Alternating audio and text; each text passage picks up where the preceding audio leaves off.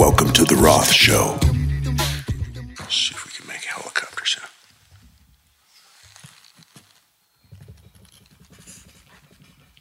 Does this sound like a helicopter?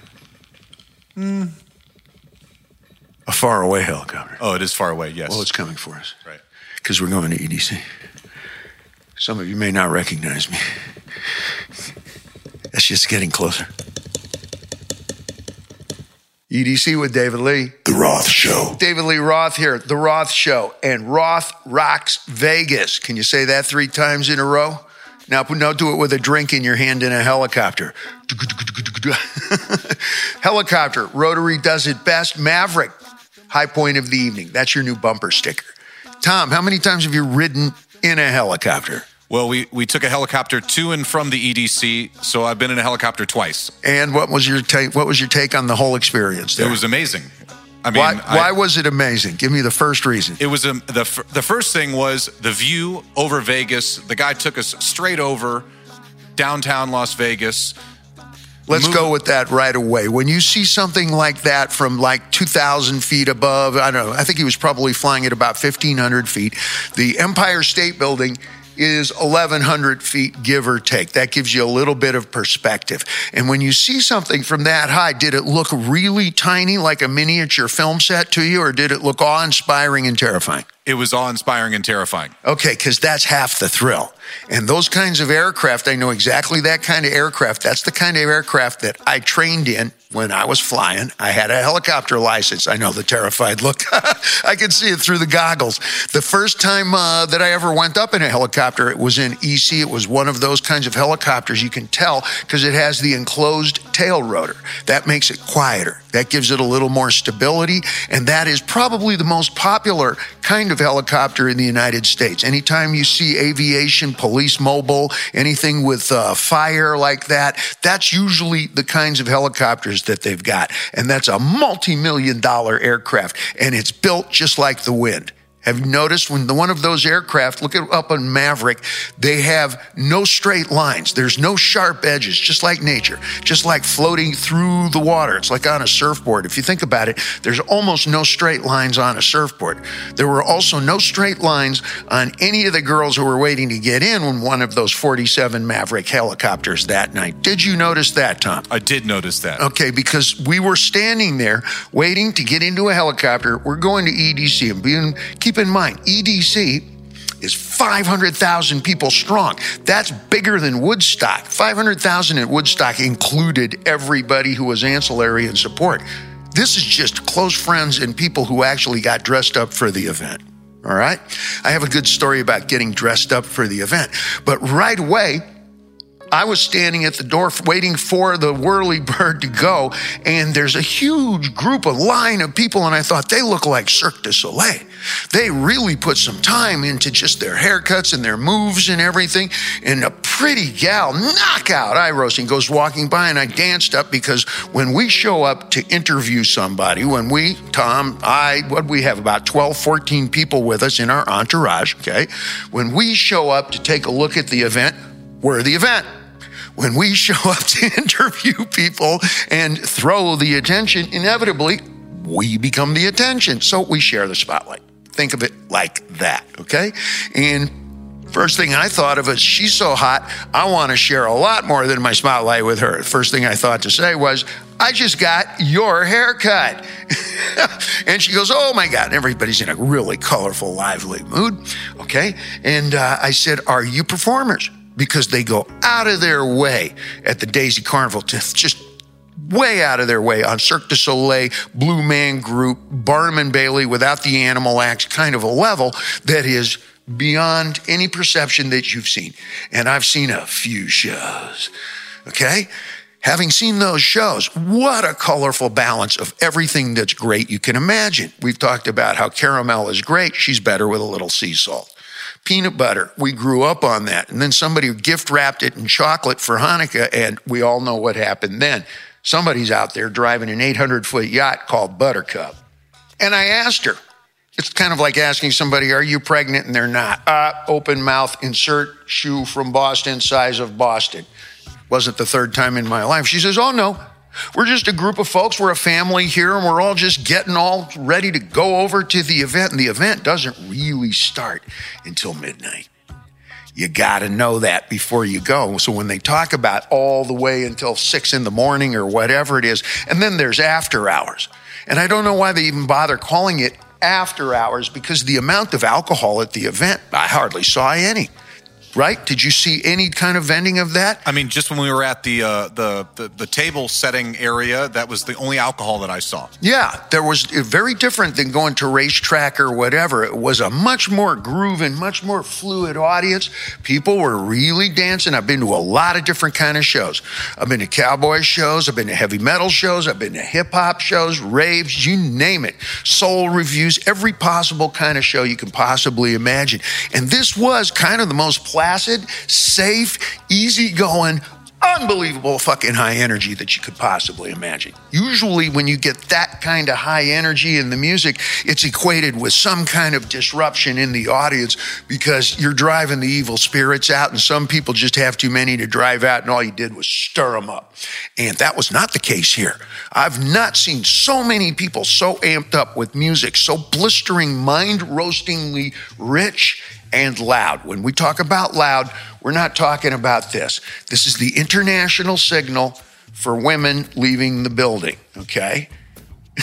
I didn't see that once. You're talking about digital, profound sound, rich like Dutch chocolate, rich like the sound of Eddie Van Halen's guitar when it's at its most dense okay? It's not this. This is the sounds of sirens and high end screaming and fingernails on some kind of high end treble plastic. No, this was a whole different surround sound. Let's talk about expansion and compression. A little bit of fun physics here, hippie physics, okay?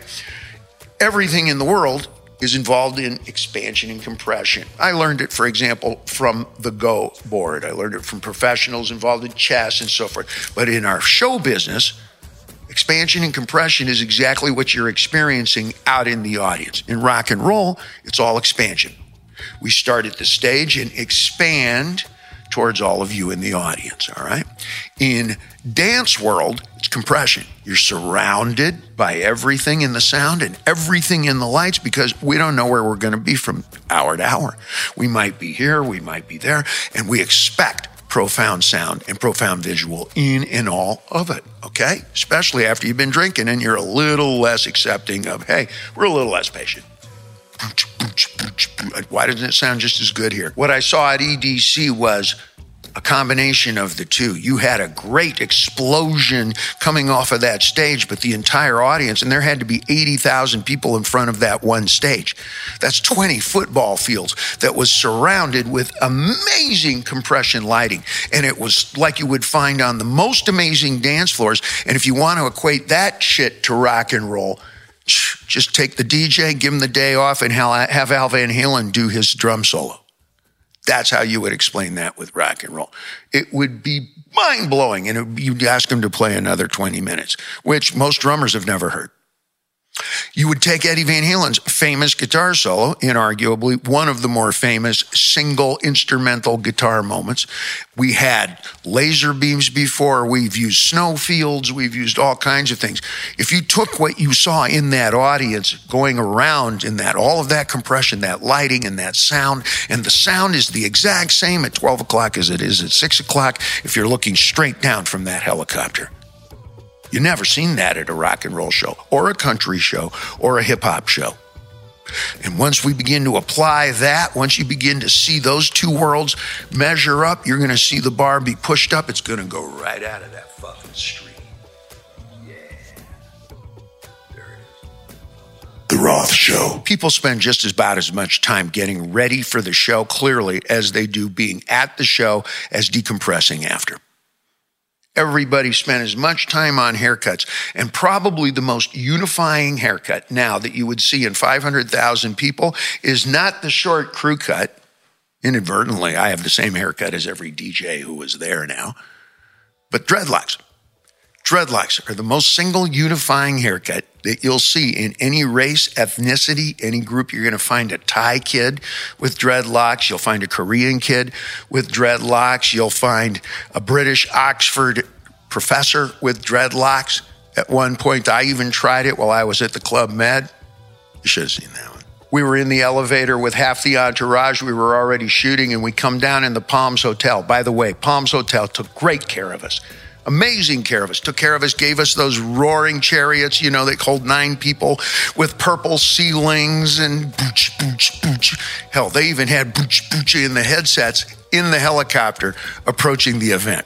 Was that not totally cool? Pretty cool. Okay, we'll be landing. You want me, you want me to do it with the accent? Mm-hmm. All right, we'll be landing in a second. Booch, booch, booch, booch. Tighten up your belts. Booch, booch.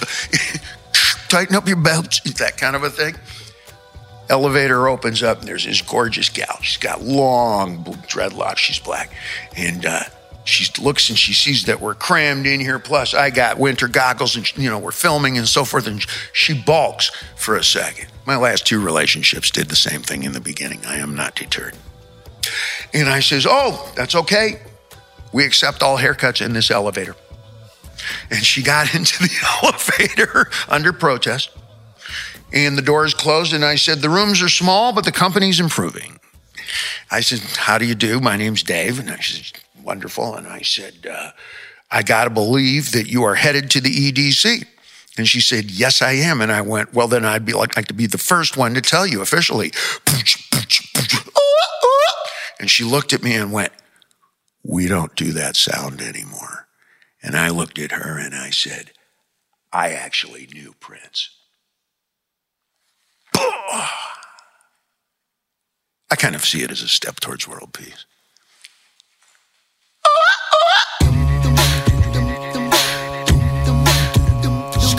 So you're wondering, what are you gonna do? I can help you with those summertime blues and pinks and reds. Ink the original. InkTheOriginal.com. Las Vegas itself is more modern and more colorful than ever before. You've got Bruno Mars playing three nights in front of what, 7,000 people, a roll going on at the same time that uh, Van Morrison is over here and the singer from Van Halen is right here. And you got 500,000 people, everybody you know, like so. And that only starts after midnight out in the desert. So, just going to the city itself is magic. And uh, I've been talking about going to Las Vegas and maybe filling in some time while Ed now find their way. I want to sing and dance a little bit. Nothing could possibly be more modern than Las Vegas. Used to be that New York City was the epitome of where you go to do entertainment in the United States, but I don't know if that's the case anymore. If you're going to have a heavyweight fight, like uh, what is this fellow's name? Deontay Wilder. He's playing at the. He's playing. He's boxing at the Barclays Center on the East Coast. I've got to wonder if that's not a fight like martial arts, mixed martial arts, that would be more appropriate, more colorful, and more dramatic in Las Vegas.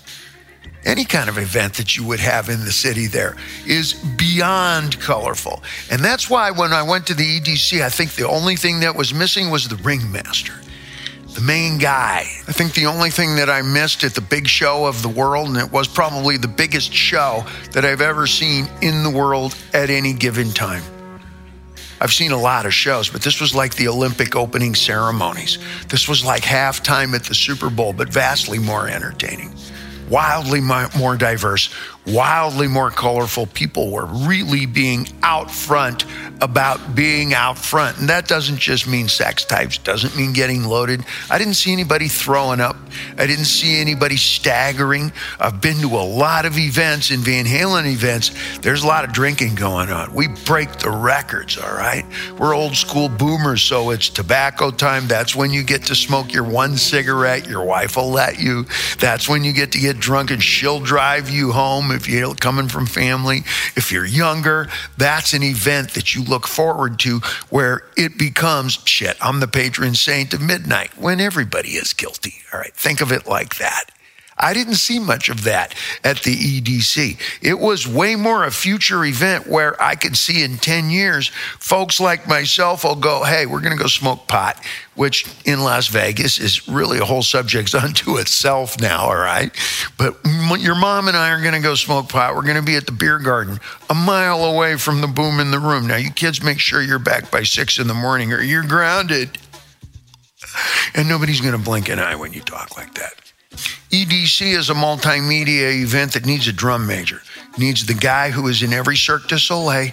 It needs the Blue Man Group focus. It needs somebody to indicate where you're going next. Tom, do you recollect beyond the DJs who are all stellar and have infinitely variety of taste, but Beyond that, who is the what in the Greek tragedy or comedy is called the interlocutor, the person who comes out and goes, and so it will come to pass, and so it came to pass, and then stay tuned. Okay, that has a name that goes back bazillions of years. And I kind of miss that person.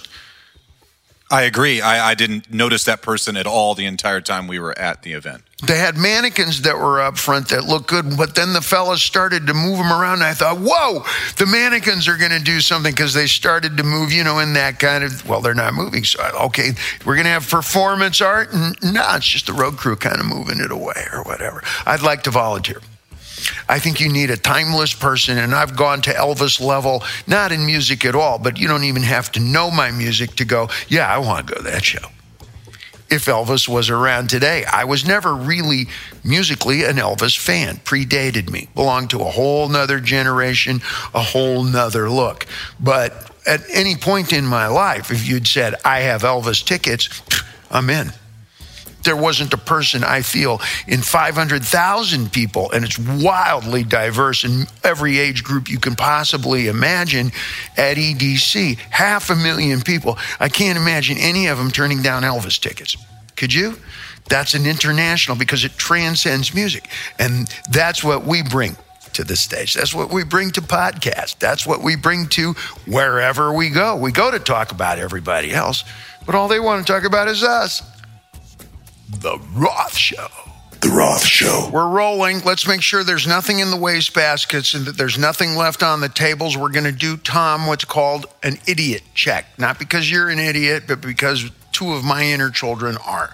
And we always leave behind the more expensive wristwatch, one of the shoes. We leave behind the magazine that you actually wanted to read. No, not the magazine. You brought all the magazines all of the paperbacks, but you forgot your reading glasses. So you do an idiot check underneath every sofa. You are going to learn this shit in the Green Berets where you scout up your campsite as a Boy Scout. I'm sure you called it something like idiot check or scouting up or policing up at the end of the day. And the first time I heard this was on my first tour. Van Halen went on tour. We went on the Disco Submarine and we headed out in our manager at the time said to us, Now, here's something's going to happen. He said, Somebody is going to go into your hotel room when you're all done. It's going to be either a roommate, hotel security, law enforcement, a reporter, somebody who's trying to catch you doing something wrong for a lawsuit or something like that. This was 40 summers ago, and we looked so forward to this because you can judge yourself by how many people like that actually show up. If nobody's paying any attention to you, well, in a city of sore thumbs, you didn't stick up. And keep in mind, Van Halen at the time, remember who I was at the time. Remember what I looked like at the time. Remember, we were doing everything wrong that you could possibly spell, and a few that I bet under a time limit you can't. Do you even know where Incirlik is? Yes, no. exactly. Because that's where we did it. You're not even in the right country. it's great. Anyway, case in point, I wrote about it in my book years ago. I'm in the hotel room. It's the day after some show. It's somewhere in the Midwest, as I recollect. But more importantly, I was staring at the cracked and peeling ceiling of an unforgiving Holiday Inn, living in sin in a Holiday Inn, and a knock comes at the door. It's summertime. I'm in a state of undress. Well, strike that. It's my first tour. I'm in a state of undress all the time. Occasionally, I have to get on an airplane and reverse that, okay? Remember what I wore on stage, and more importantly, what I didn't wear on stage. Full disclosure I was sexually inappropriate with an entire generation, musically, primarily. The door opens, and two really good looking college type gals, like marching band type Dallas pretty blondes with pretty clean smiles and bright and cheery come in and they start to clean up the room. And they do a great job, and I'm just laying there and they're pretending to not notice me. I know that I'm lit up like a blowtorch, especially with this haircut, with these goggles. Okay. So there's no way you're not going to look at me if I walk past you. I'm designed to make the sidewalk more entertaining. I think more often than not, I meant, I think more often than not, I'm accurately successful. And they're not paying any attention to me at all. They're really good at being spontaneous, even better at not noticing. And they do the entire room. And just before they leave, they both turn around and go, We got to tell you the truth. We're not mates. I says, What do you do? Who are you? They said, We just cleaned up four other people's rooms until we got to yours. We didn't know what room you were in. We're fans. In fact, we're groupies.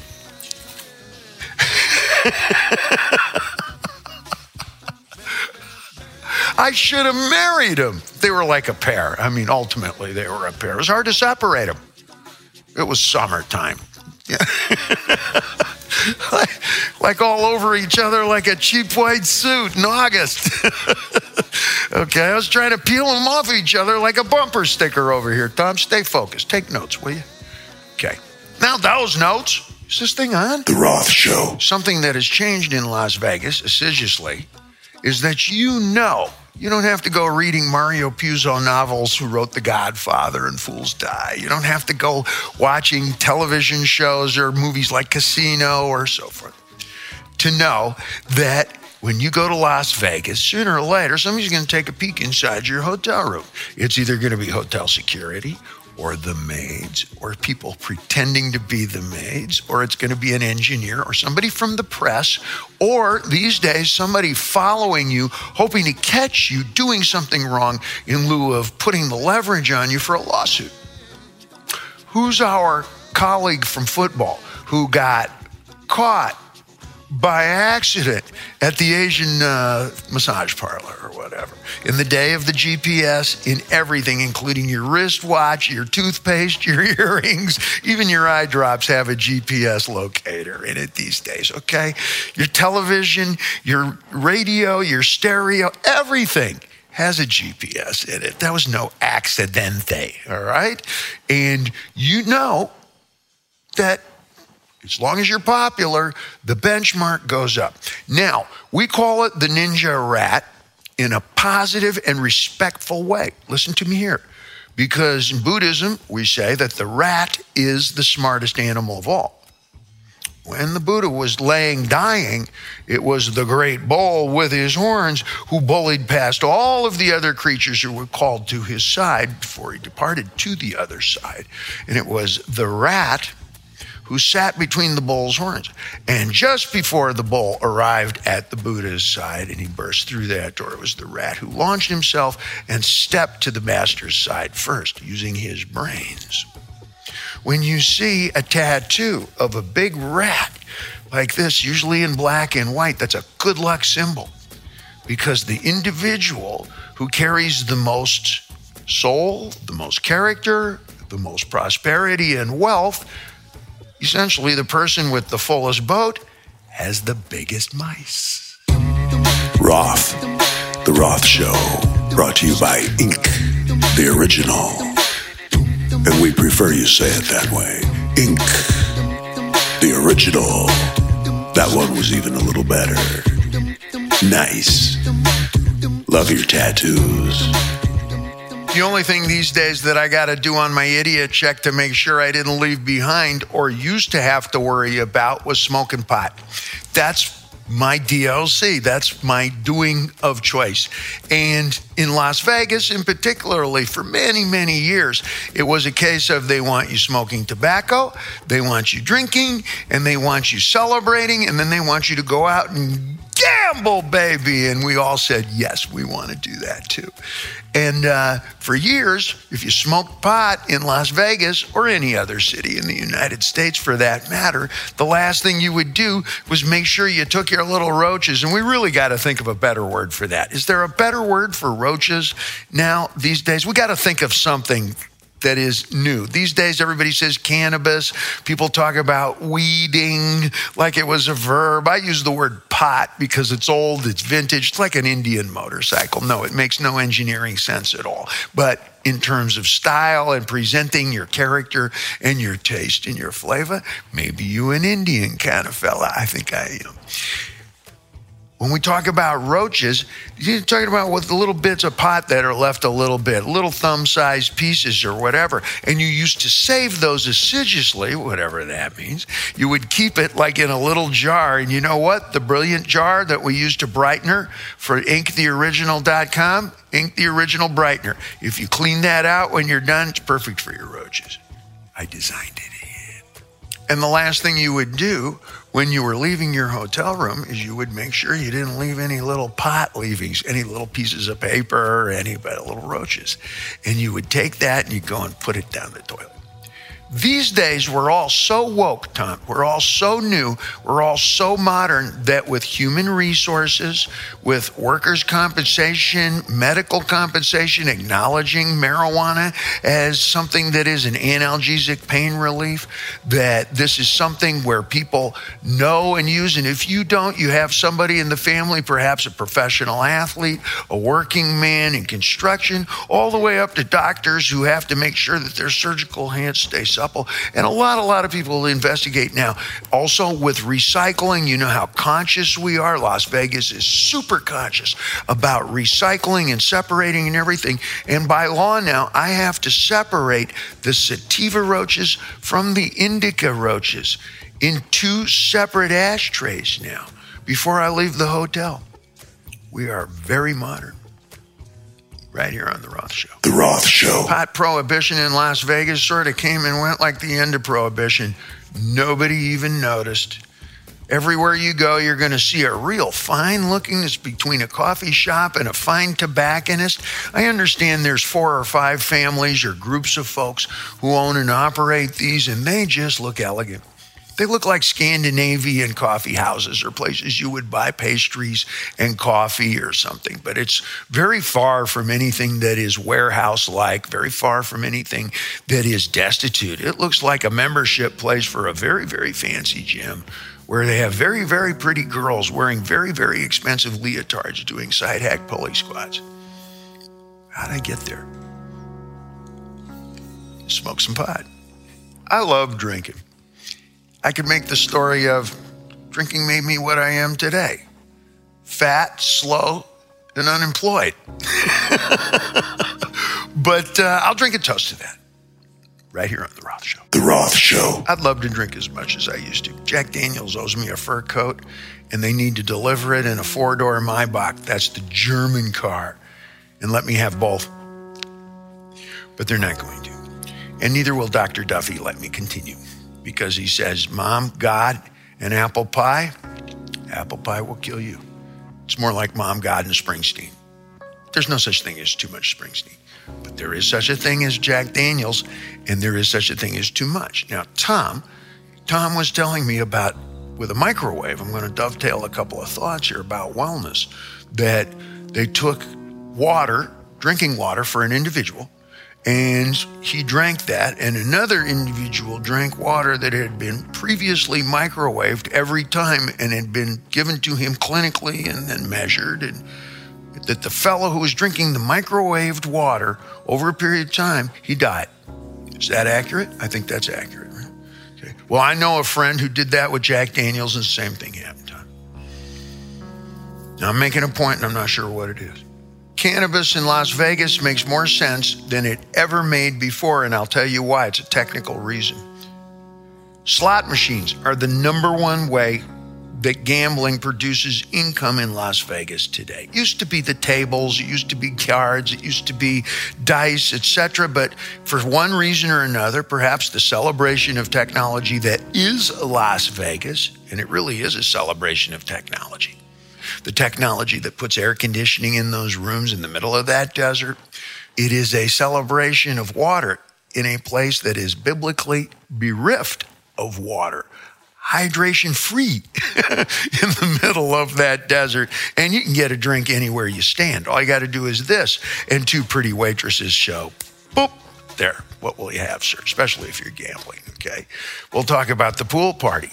Who put the water in the pool? Technology. Who put the bling and the sound and the noise and everything in those slot machines? That's the way we gamble technically today. Not cards, not dice, not roulette, but technical, the slot machines. And even though slot machines are four times more likely to take your money, it's okay. We don't mind. It's like love, baby. We don't mind. Here's my card. And you have a great time doing it. It's sitting there and going through, and there's a microchip in there that's gauging you like an opponent. No different. Like playing chess with a computer, perhaps saying, I know when you're going to quit. I know where you're going to go next.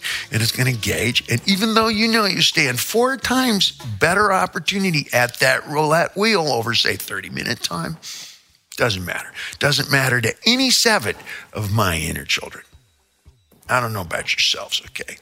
So, marijuana today makes perfect sense because those of us who smoke pot will sit there a whole lot longer. We'll sit there a lot longer doing anything that is entertaining, illuminating, educating.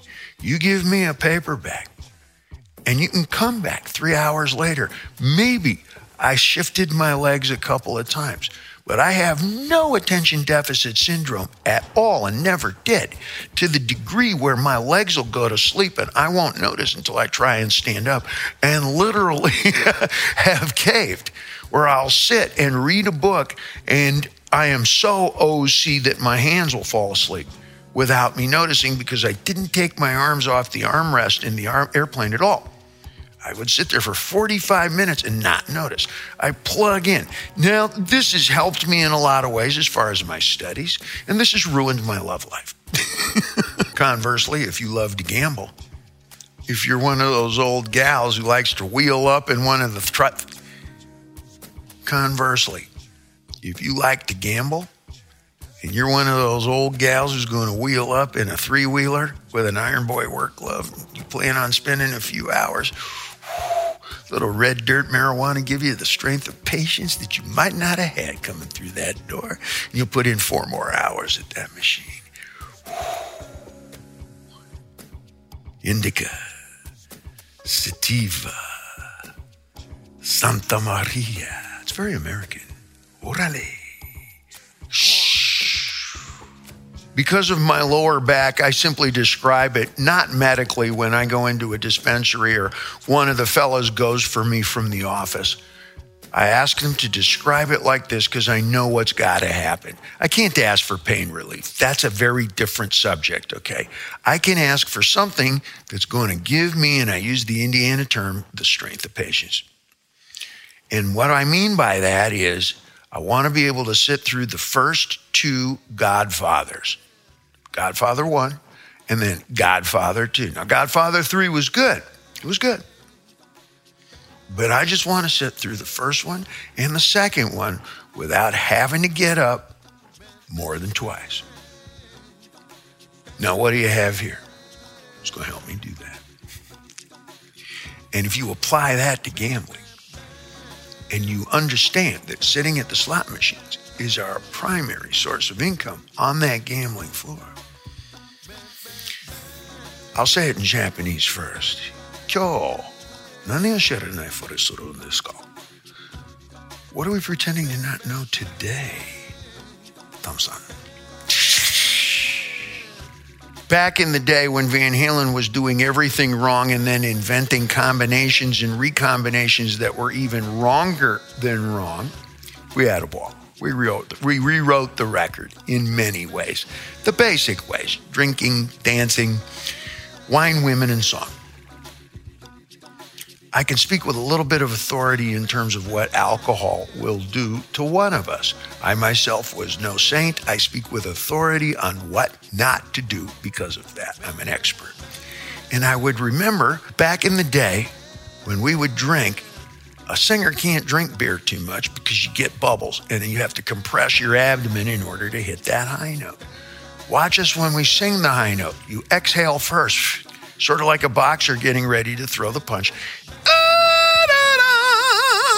That's how you're going to get that. If you inhale or you have weight or bubbles in there from drinking beer or champagne, I've tried both, then you can't compress. So we're kind of governed there like a governor on the engine. Drummers do not have that issue. They also sweat a lot, and drummers are back there like moving that engine. That's why you usually see them without shirts or in t shirts, because that's the engine room. That's the furnace floor down below in the old steamship. Downside of that is Al would drink a can of Schlitz malt liquor bowl, down it, and you would be in a race against his pancreas. You'd have about six, eight songs before the next Schlitz malt liquor bowl got involved, all right? And then you reamp. Now, I know from doing photo shoots with supermodels that you're in a race with their pancreases, which are probably about this big. I don't I've seen a few up close. I didn't know it was a pancreas at the time, judge. With that in mind, I know that if you're going to serve champagne to anybody whose body weight is feather light, whose idea of two meals out of that day is a bucket and a feather, hey, anorexia is a very usable fashion accessory today. You want to really look good in photography, like supermodels? Then your head has to be a little too big for your body because then when they put the clothes on, everything evens up. In real life, it's a little different. We're not talking about real life, we're talking about anorexia as a fashion accessory back when there was the Fashion Models Cafe and a couple of guys. I went and I asked, I said, give me what the fashion models would have for dinner. And he showed up with a plate with three potato chips, a small bucket, and a feather to barf. Chicken, pickles, and beer. Just about that time of year. Iced tea from a thermos. It's becoming increasingly clear that summertime, summertime, summertime is here. Tonight's the night. I mean, all night. Oh, yes, it's party time.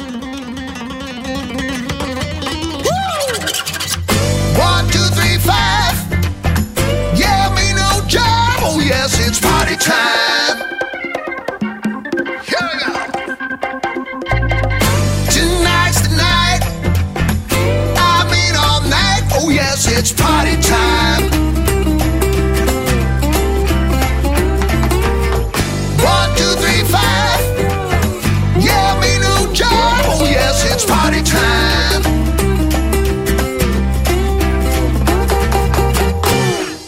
Drinking alcohol on a showroom stage got to be the same thing as being on the audience floor or a showroom floor. You're in a race against the sugar dump. All that insulin that's going to come out of you, if you're doing shots, shots, shots, it's amazing, but you're going to get tired a lot sooner than if you're smoking pot. And if you know what you're doing with pot, you're going to make it not through just the first episode of The Godfather, which is enough for most people. But I come from the day of the double feature and a trip to the drive in and a makeout session if you got lucky afterwards. So save some energy. Keep your fork. There's pie. I can tell you now with absolute accuracy, and this comes back from many, many years ago, enough years ago that now you think it's festive and funny that I tell these stories. Back in the early 80s, I remember more than once checking in to the very, very famous Sunset Marquis. You know where this is, right off of Sunset, okay? Now, I'm speaking with authority about stamina, Tom, so learn something here. Because I remember more than one New Year's Day on the end of a New Year's Eve, no sleep, straight through, showing up at the world famous Sunset Marquis. This is enough summers years ago that everything now is funny, forgiven, and charming. Fair enough? Fair enough. Okay. Talking about early 80s, I remember more than one New Year's Day checking in at the lobby of the much more forgiving and more forgiving time. It was a mighty time and more forgiving time. As this is Mr. Roth, howdy. This is Mrs. Roth, and this is Mrs. Roth. And I can tell you from a stamina standpoint alone, you're going to get a lot farther smoking a little pot, putting the Rose Parade on, and get the party started. If you're drinking, you're in a race with your kidneys, your insulin dump, the pancreas, etc., etc. And like myself, you might get a festive burst of glee, 20 minutes of my best material, followed by a cranky, pissed off fucking asshole Dave. as some of the staff calls me in Spanish. I prefer evil genius fucking asshole did, but uh, I'm not sure how to say that in Spanish. Somebody needs to do a test. The act of working your way up to 21, yes, I might need somebody to constantly remind me don't ever hit on 17. But I guarantee you, I'll be sitting at that table four hours longer than not if you go where I'm not about to go in terms of the punchline. Roth, The Roth Show. You're listening to David Lee Roth, The Roth Show. Broadcasting short distance from me to you. The Roth Show. Brought to you by Ink The Original. Ink TheOriginal.com. Laugh to win, baby. And I love those tattoos. I have a great injury story, one of my best injury stories. What is it? St. Crispin's speech. When you're talking about, and those who weren't there will pull their sleeve and show their scars, and everybody else in the room is going to get jealous. I'm paraphrasing, of course, but there is a whole lot of Shakespeare going on here at the Roth Show. David Lee Roth, and I'm going to describe one of my best injury stories, one of the best that gets me the free drinks. It's called a CEI. In the mixed martial arts, this is technical. It's a CEI, a class ending injury, not a career ending injury. We've seen those. Rogan has announced them. We've watched them in slow mo and playback many, many times. I'm talking about a CEI, a class ending injury. Somewhere around 1979, Van Halen has just sold about 5 million records, maybe more. And I'm still in that candy cane pants issue where I'm flying through the air with the greatest of Z. Somewhere between Marvel Comics and Cirque du Soleil is David Lee, all right? And I'm spending as much time airborne euphemistically and proverbially as I am physically. You know, I'm all over the place. We're playing the Piper Club. It's in Rome. The Beatles played there. It's like the Cavern Club. In fact, it's not a cellar, it's more like a sewer. It's ancient Rome. This was probably ancient Roman irrigation or aqua, something for the baths or whatever. It's hot, it's steamy. The ceiling is low, and it's the late 70s. No more has to be said about that, okay? Everybody's John Travolta-ing and staying alive, and they got a disco ball, a huge disco ball. And they lower the disco ball, and they're gonna bring it up towards the ceiling as the song goes. This is considered production, it's Italian, it's in Roma, everybody's smoking cigarettes, it's late 70s. The lights go out, the crowd is ready, and I get crouched down and I'm gonna jump up and do the famous touch the toes, like so. Okay, let's go. That you all know that silhouette. Boom. I know that someday I'm going to drive through in Las Vegas and it's going to say legends. And you'll be able to tell the Beatles because of their haircuts. And you can tell Tina Turner because of the big wig in the 80s. And you're going to see David Lee Roth touching his toes in a silhouette. And you'll know who I am. You'll know who I am by just a silhouette. Anyway, short victories, closely spaced. Small victories, closely spaced. A victory shortly. Stick with me. So I'm ready to jump up, and they lower the mirror ball about two feet more than I thought. More than usual. They waited until it was dark to lower it. So it's literally right here. Okay. And I'm crouched and I'm 20 fucking three. And I mean in shape 20 fucking three. I mean stay awake for three fucking weeks and you don't notice shit 23 fucking three. Okay. Like this. And every ounce of that attitude, they go one, two, three. The lights come on and I launch and with full blast, like fucking punching it out with a steam shovel, broke my nose on national Roman Italian TV. Man, when I divots in, I'm gonna lead enough light you could read a paperback states away. Mm-hmm. And boom, it looks like mixed martial arts, Hulk Hogan and Andre the Giant. I was always more of an Andre fan. Boom! I don't care. I'm not stopping. I'm here for Rome. you know, this and that. Oh man, good smears and everything. But wabi-sabi, okay. Remember your hair is new barbarians, and you know, and you're sleeping in your leather pants and your clothes, and you don't look any different on stage, Keith Richards style, than you do in the airports. It's just fucking great, right? Great show.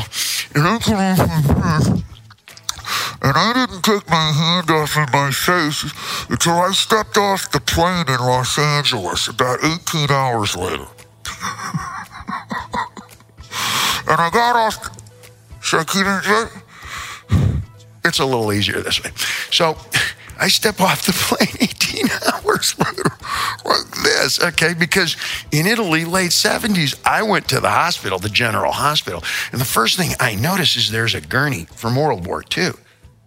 You know those little skinny rail like wheels and those skinny little rails of that kind of it was soldered together. It's a 1940s issue. And the doctor who's looking at me looks like I look on stage. It's all, you know, plunging neckline, uh, Tarzan at 126 beats, and he's literally holding a cigarette. And he says, Hey, you just got to check into the hospital for a few days. So anyway, I step off. Do you want me to continue? so I step off the uh, airplane at uh, LAX, get into the car, drive straight to San Gabriel Community Hospital, where I was working in surgery right out of high school. I've now already contributed significantly to the pediatric fund, or Van Halen has contributed to other funds at the hospital or whatever. So we're well known. And folks like us, show folks, we come with sometimes special requirements and or unique injuries. Just like a, a racehorse jockey or somebody who flies for a living. I'm sure people who work on the railroads have their own specific kind of circus folks have their own kinds of injuries. And I go racing to the hospital, and every specialist is there where to see, because I got a lot of people depending on me. It's not a question of, oh, how do I look? In fact, the more beat up I look, we call that character. We call that personality. I, you saw my dog, Russ. My favorite dog is the one with a piece of the ear missing and the gung ho attitude. It reminds me of me. My favorite genes are not perfect. You've heard me discuss this, okay? So when, you know, there's scars like this and stuff, you know, we'll track them all, okay? As to what happened, leave them, leave them. It makes the jacket look cool. And with that in mind, we check in and they're going to put some stitches in the nose and they pack it up, whatever. And walking around in 1979, you know those yellow plugs that you put in your ears when you're you're drilling something or maybe you go shooting and you have those little yellow plugs. Well, in 1979, somebody with a Tarzan haircut and two of those plugs in his nose for 3 weeks just meant that you finally had to go to Beverly Hills and, you know, get some things fixed. Nobody would question if you walked into Canter's Delicatessen with two plugs sticking out of your nose. They just figured you either got a card from the judge or your doctor. Get fucking well now. Okay, man, I'm fine. You know, it's a little bent, but it hasn't really affected my voice. Cut to, I walk out of the hospital and I've got stabilizing tape that reaches just like so all the way across the top of the bridge of my nose. And if you go on YouTube, I'm certain you'll be able to find these photos. This is well photographed.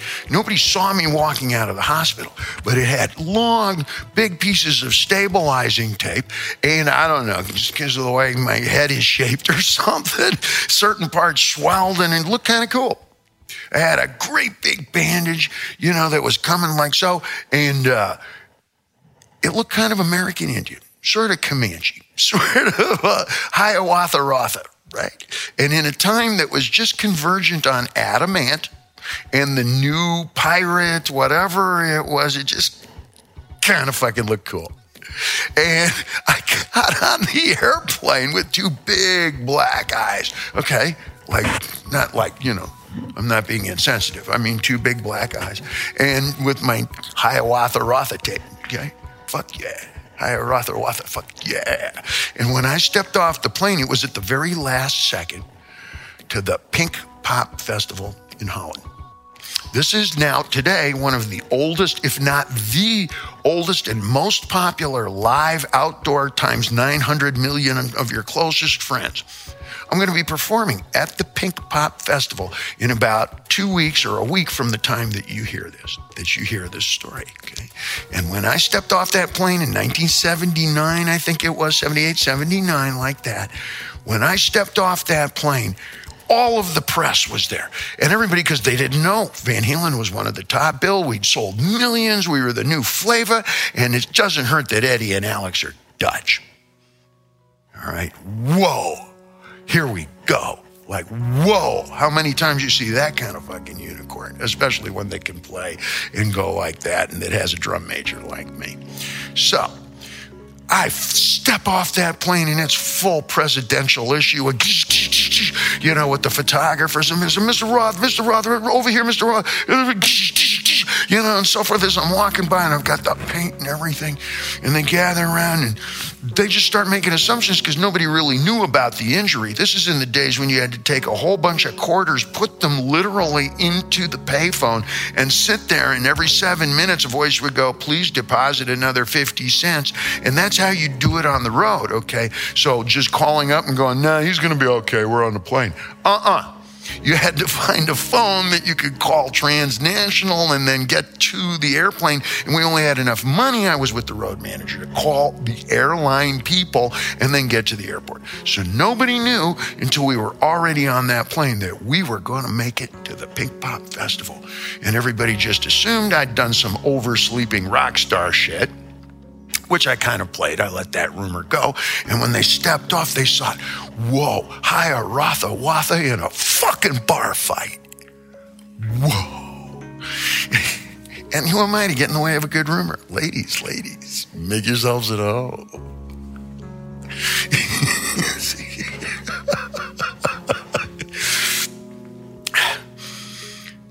True story. We play the show.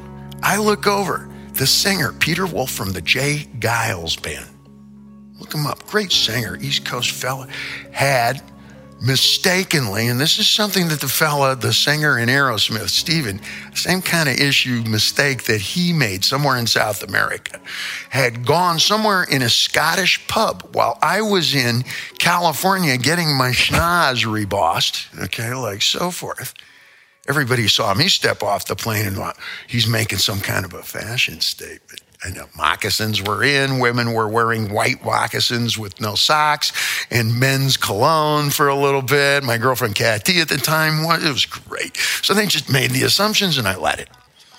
The venal sin of omission, if that's all that's standing between me and the pearly gates, and you're thinking, no, Dave, you're Jewish. What about the tattoos? No, a couple of pretty pictures is standing there's much more standing between me and the pearly gates, but let's stay focused here, okay?